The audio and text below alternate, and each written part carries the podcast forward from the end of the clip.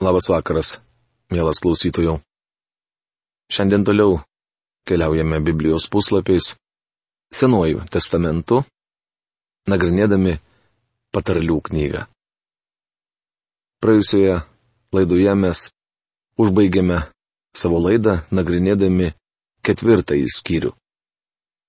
Prieš pradėdamas apžvalgą norėčiau, kad mes palenktume savo galvas ir paprašytume viešpaties vedimo.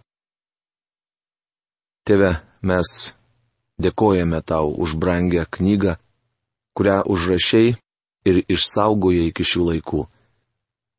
Dėkojame tau, kad tu panaudojai netobulus žmonės, vesdamas juos šventosios dvasios gale, kad jie galėjo surašyti tuos nuostabius išminties, pamokymo žodžius, kurie prasiskverbė iki mūsų širdies gilumos ir parodo, kokie iš tikrųjų esame mes tavo akise.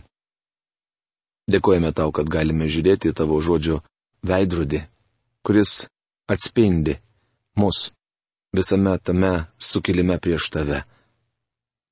Padėk šį vakarą kiekvienam iš mūsų pasimokinti. Padėk netrukdyti tau įrodyti kaltę, kurią turime prieš tave ir būk mums gailestingas Dieve. Apvalyk mus viešpate nuo kiekvienos netiesos, kada šauksimės tavęs. Dėkojame tau už tavo žodį ir prašau, kad tu vestum mane žodžio aiškinime. Jėzaus Kristaus vardu. Amen. Taigi, ketvirtas skyrius. Priminimui aš jums perskaitysiu praėjusioje laidoje jau išnagrinėtas mūsų pirmasis 18 šios kiriaus eilučių ir mes tęsime apžvalgą. Net ir po to, kai vaikas tapo jaunuoliu ir išėjo į platų ir žiaurų pasaulį, jis vis dar raginamas prisiminti tėvo pamokymą. Vaikai klausykitės tėvo pamokymo. Būkite atidus, kad suprastumėte, Nes duodu jums gerą patarimą. Neužmeskite mano mokymo. Kadaise buvau geras tėvų sunus, gležnas motinos numylėtinis. Tėvas mane mokė ir sakė, te brangina tavo širdis, ką aš sakau, laikykis mano įsakymų ir gyvensi. Įgyk išminties, įgyk supratimo, neužmiršk ir nenukrypk nuo mano žodžių. Nepalik jos, ir ji tave palaikys, mylėk ją, ir ji tave saugos. Štai išminties pradžia. Įgyk išminties, įgyk supratimo, nors tai kainuotų visą, ką turi. Brangink ją ir ji tave išaukštins. Ji tave pagerbs jei tu ją apkabinsi. Tau ant galvos jį uždės grakštų vainiką, apvainikuos garbinga karūna. Mano vaikė klausykis ir imki širdį mano žodžius, kad ilgai gyventum. Mokau tave išminties kelio, vedu tave durais takais, kur nereikės tau žingsnių lėtinti ir net jei bėgtum, nesuklupsi. Laikykis mano pamokymo, neužmiršk jo, brangink jį, nes tai tavo gyvybė. Nekel kojos ant nedorų žmonių tako, neik nedorėlių keliu.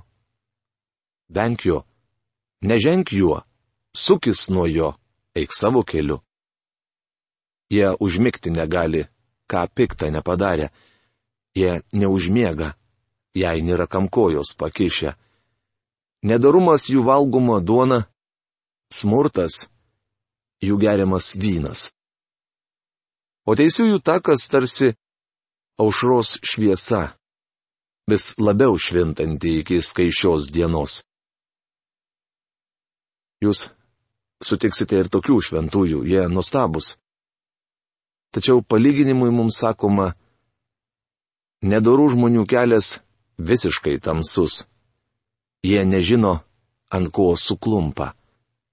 Patarlių ketvirtos skyriaus 19 eilutė. Mums parodomi du skirtingi keliai. Vienu keliu eina teisėjai. Tas kelias apibūdinamas kaip aušros šviesa, vis labiau švintanti iki skaičios dienos. Kitų kelių žygioja nedoriliai. Tai tamsos klyskelis. Jis primena mums viešpatie žodžius apie platų kelią. Deja, šie žodžiai mano supratimu dažnai suprantami klaidingai.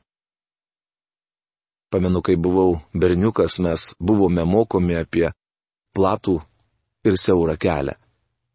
Jei tuomet manęs būtų kas nors paklausęs, kuriuo keliu norėčiau eiti, nedvėjodamas būčiau atsakęs, atrodo eiti plačiu keliu kur kas linksmiau. Deja, būtent tokį įspūdį dažniausiai formuoja tie, kurie stengiasi apibūdinti šiuos du kelius. Tačiau yra visai kitaip. Toks įspūdis neteisingas. Plačiu keliu šiandien žygiuoja visa minė.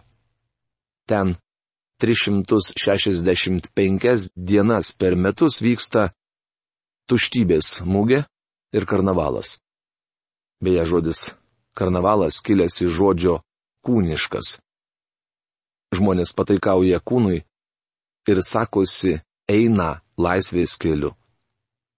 Šiandien dažnai girdime pareiškimus, jog mes gyvename naujame amžiuje ir galime elgtis kaip norime.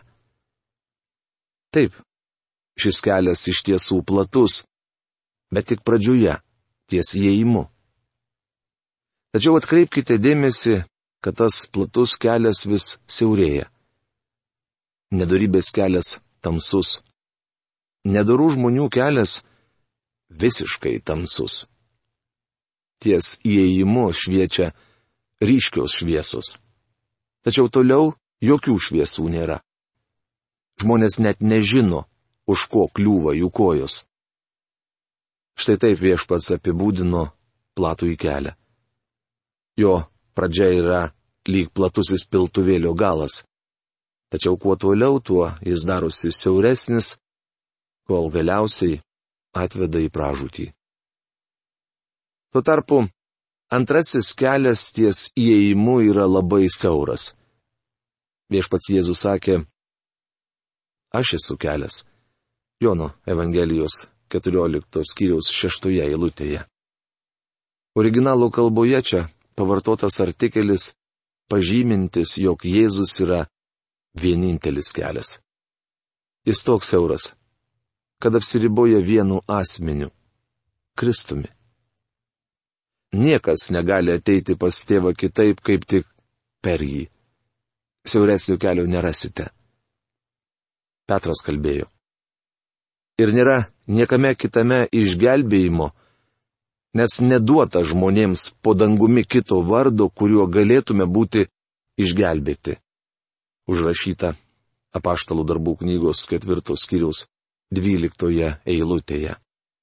Jėzus sakė, aš esu vartai jei kas eis per mane, bus išgelbėtas. Jis įeis ir išeis, ir ganykla sauras. Rašoma Jono Evangelijos 10 skyriaus 9 eilutėje. Vėjimas siauras, tačiau toliau kelias vis platėja. Jis veda į apstų gyvenimą šioje žemėje, o vėliau ir į dangaus šviesą. Bičiuli, mums reikia įeiti pro siaurą į piltuvėlio galą, kuris vadinasi viešpats Jėzus Kristus. Štai toks paveikslas piešiamas šiame patarlių knygos skyriuje. Yra du keliai - teisųjų takas ir nedorų žmonių kelias. Apie tai šioje knygoje bus kalbama ir daugiau. Platus kelias aprašytas 16 patarlių knygos skyriuje. Žmogui jo kelias gali atrodyti teisingas, bet galų gale jis nuveda į mirtį. Rašoma patarlių 16 skyriaus 25 eilutėje. Mano vaikė, klausyk mano žodžių, Palenk ausį mano posakiams. Neišleisk jų iš akių, laikyk giliai savo širdyje. Juk juos turintiems jie yra gyvenimas ir jų kūno sveikata. Patarlių ketvirtos skyriaus 20-22 eilutės. Psalmininkas apie žodį kalbėjo. Branginu širdyje tavo žodį, kad tau nenusidėčiau. Užrašyta 119 psalmės 11 eilutėje. Dievo žodžiai yra gyvenimo žodžiai. Apie vieno žymaus praeities rašytojo veikalus pasakyta, kad jei jo žodžiai būtų iškirpti, jie imtų kraujuoti. Šis posakis puikiai tinka Dievo žodžiams. Jie gyvi. Jei juos iškirptumėt, jie imtų kraujuoti. Juk juos turintiems jie yra gyvenimas. Dievo žodžiai suteiks jums gyvenimą ir šviesos. Jie pamoko, nukreipia ir suteikia džiaugsmo. Visą tai ateina per Dievo žodį. Toliau skaitome nuostabę patarlių knygos eilutę. Atsidėjęs saugok savo širdį, nes iš jos teka gyvenimo šaltiniai. Patarlių knygos ketvirtaus skyrius 23 eilutė. Profesorius Algirdas Jurienas šią Biblijos eilutę verčia taip. Labiau už viską, kas saugotina, saugok savo širdį. Tai reiškia, rūpestingai ją prižiūrėk labiausiai mes turime saugoti savo širdį, nes iš jos teka gyvenimo šaltiniai. Kūno gyvybė kraujyje, o kraują pumpuoja širdis. 17 amžiuje Viljamas Harvėjus atrado kraujo cirkuliaciją. Šis atradimas padarė perversmą medicinos mokslų srityje. Tačiau čia patarlių knygoje, kuri buvo parašyta maždaug 2700 metų anksčiau, aiškiai sakoma, jog gyvybę palaiko širdis. O širdis simbolizuoja vidinį žmogų. Viešpats Jėzus sakė, jog žmogų suteršia ne tai, kas patenka į burną, bet kas iš jos išeina. Iš širdies išeina piktai sumanimai, žmogžudystės, svetimavimai, ištvirkavimai, vagystės, melagingi liudijimai, šmeištai, rašoma Mato Evangelijos 15 skyriaus 19 eilutėje. Iš žmogaus širdies išeina bjauriausi dalykai pasaulyje. Širdis yra asmenybės centras. Jei norite suprasti, kokia jis svarbi, paimkite Biblijos žodžių rodiklę ir perskaitykite visas vietas, kur kalbame apie širdį. Mes turime labai rūpestingai saugoti savo širdį. Svarbu, ką mes girdime, ką studijuojame ir ką matome. Turėtume suprasti, jog iš širdies trykšta visi didieji mūsų gyvenimo šaltiniai. Nepraleiskime prausis fakto, kad patarlių knygoje, parašytoje daug anksčiau, nei Harbėjus atrado kraujo cirkuliaciją, apie širdį pasakyta tai, kas po daugelio amžių buvo įrodyta moksliškai. Patarlių knygoje tą patį galima pasakyti apie visą Bibliją, nerasite jokių nemoksliškų ar netikslių pastebėjimų. Venk kalbėti apgaulingai, mes šalį suktas kalbas, patarlių knygos ketvirtos kiriaus 24 eilutė. Profesoriaus Algirdo Jurieno Biblijos vertime šie eilutė skamba taip. Pašalink nuo savęs burnos suktumą ir lūpų iškrypimą atitolink nuo savęs gyvenimo šaltiniai tekės iš širdies, tačiau kalbės burna ir lūpos. Kažkas yra pasakęs, širdies šulinio vanduo semiamas burnos kibiru. Arba perfrazavus patarlę, galima pasakyti, kas širdytas ir ant liežuvio. Anksčiau ar vėliau burna atskleis tai, kas yra jūsų širdyje. Mūsų burnos išduodamos. Sykį mūdu su žmona pietavome mažame Amerikos šiaurės vakarų miestelėje ir kalbėjomės. Pastebėjome, kad padavėja labai mumis susidomėjo. Netrukus jį pertraukė mus. Ar jūs ne daktaras Magi? Aš atsakiau taip, iš kur jūs mane pažįstate. Niekada anksčiau jūsų nemačiau, tačiau klausausi jūsų radio programų, paaiškino ji. Vėliau žmona man sakė, tau reikia būti labai atsargiam, kai kalbi. Žmonės pažįsta tave net ten, kur tu to visai nesitikė. Tai tiesa, tačiau pirmiausia reikia saugoti savo širdį. Širdies šulinio vanduo semiamas burnos kibiru. Mūsų lūpos išduos tai, kas slypi širdyje. Tavo akis te žiūri į priekį, tiesus te būna tavo žvilgsnis. Žiūrėk, kur eini, ir visi tavo keliai bus tikri. Nesuk nei į dešinę, nei į kairę. Nukreipk savo koją nuo piktą, patarlių knygos ketvirtos kiriaus 25-27 eilutės. Jaunam žmogui reikia būti labai atsargiam. Vienas vyras neseniai papasakojo man, jog jaunystėje buvo suimtas ir tokiu būdu visiškai sugriovė savo gyvenimą. Įrašas apie jo teistumą persikioja tą žmogų visą gyvenimą. Šiandien jaunuoliui ypač reikia būti atsargiam, nes alkoholis ir narkotikai tampa tariamo modernaus gyvenimo būdo dalimi. Kaip tragiška matyti minės jaunuolių, kurie greuna savo gyvenimus nežiūrėdami, kur eina. Patarlių knygos penktas skyrius. Atidžiai perskaitę šį skyrių pamatysime, kad dėl busimos šeimos jaunuoliui patariama gyventi tyrai. Toks yra Dievo seksualinis auklėjimas. Man labiau patinka, ką šiuo klausimu kalba Dievas, negu tai, ką šiandien girdžiu per radiją bei televiziją o kartais net krikščioniškuose susirinkimuose. Dievas sako, kad žmogus turi gyventi tyrai dėl būsimos šeimos. Daugelio šeimininių bėdų šaknis lypi praeitie. Dažnai tai būna susijęs su ankstesniu, nesantuokiniu seksualiniu gyvenimu. Taigi dieviškas seksualinis auklėjimas. Mano vaikė, klausyk mano išminties palenk savo ausį mano supratimui, kad brangintumėj apdairumą ir tavo lūpos saugotų išmanimą. Patarlių penktos skyriaus pirma, antra eilutės. Mano vaikė, čia vėl kreipiamas į jaunuolį. Išmintis kviečia šį vaikiną ateiti jos mokyklą ir mokytis. Ketvirtame skyriuje girdėjome įspėjimą saugotis pikto žmogaus. Šiame skyriuje jaunuolis įspėjamas saugotis palaidūnės arba, kaip verčia profesorius Algirdas Jurienas, svetimos moters.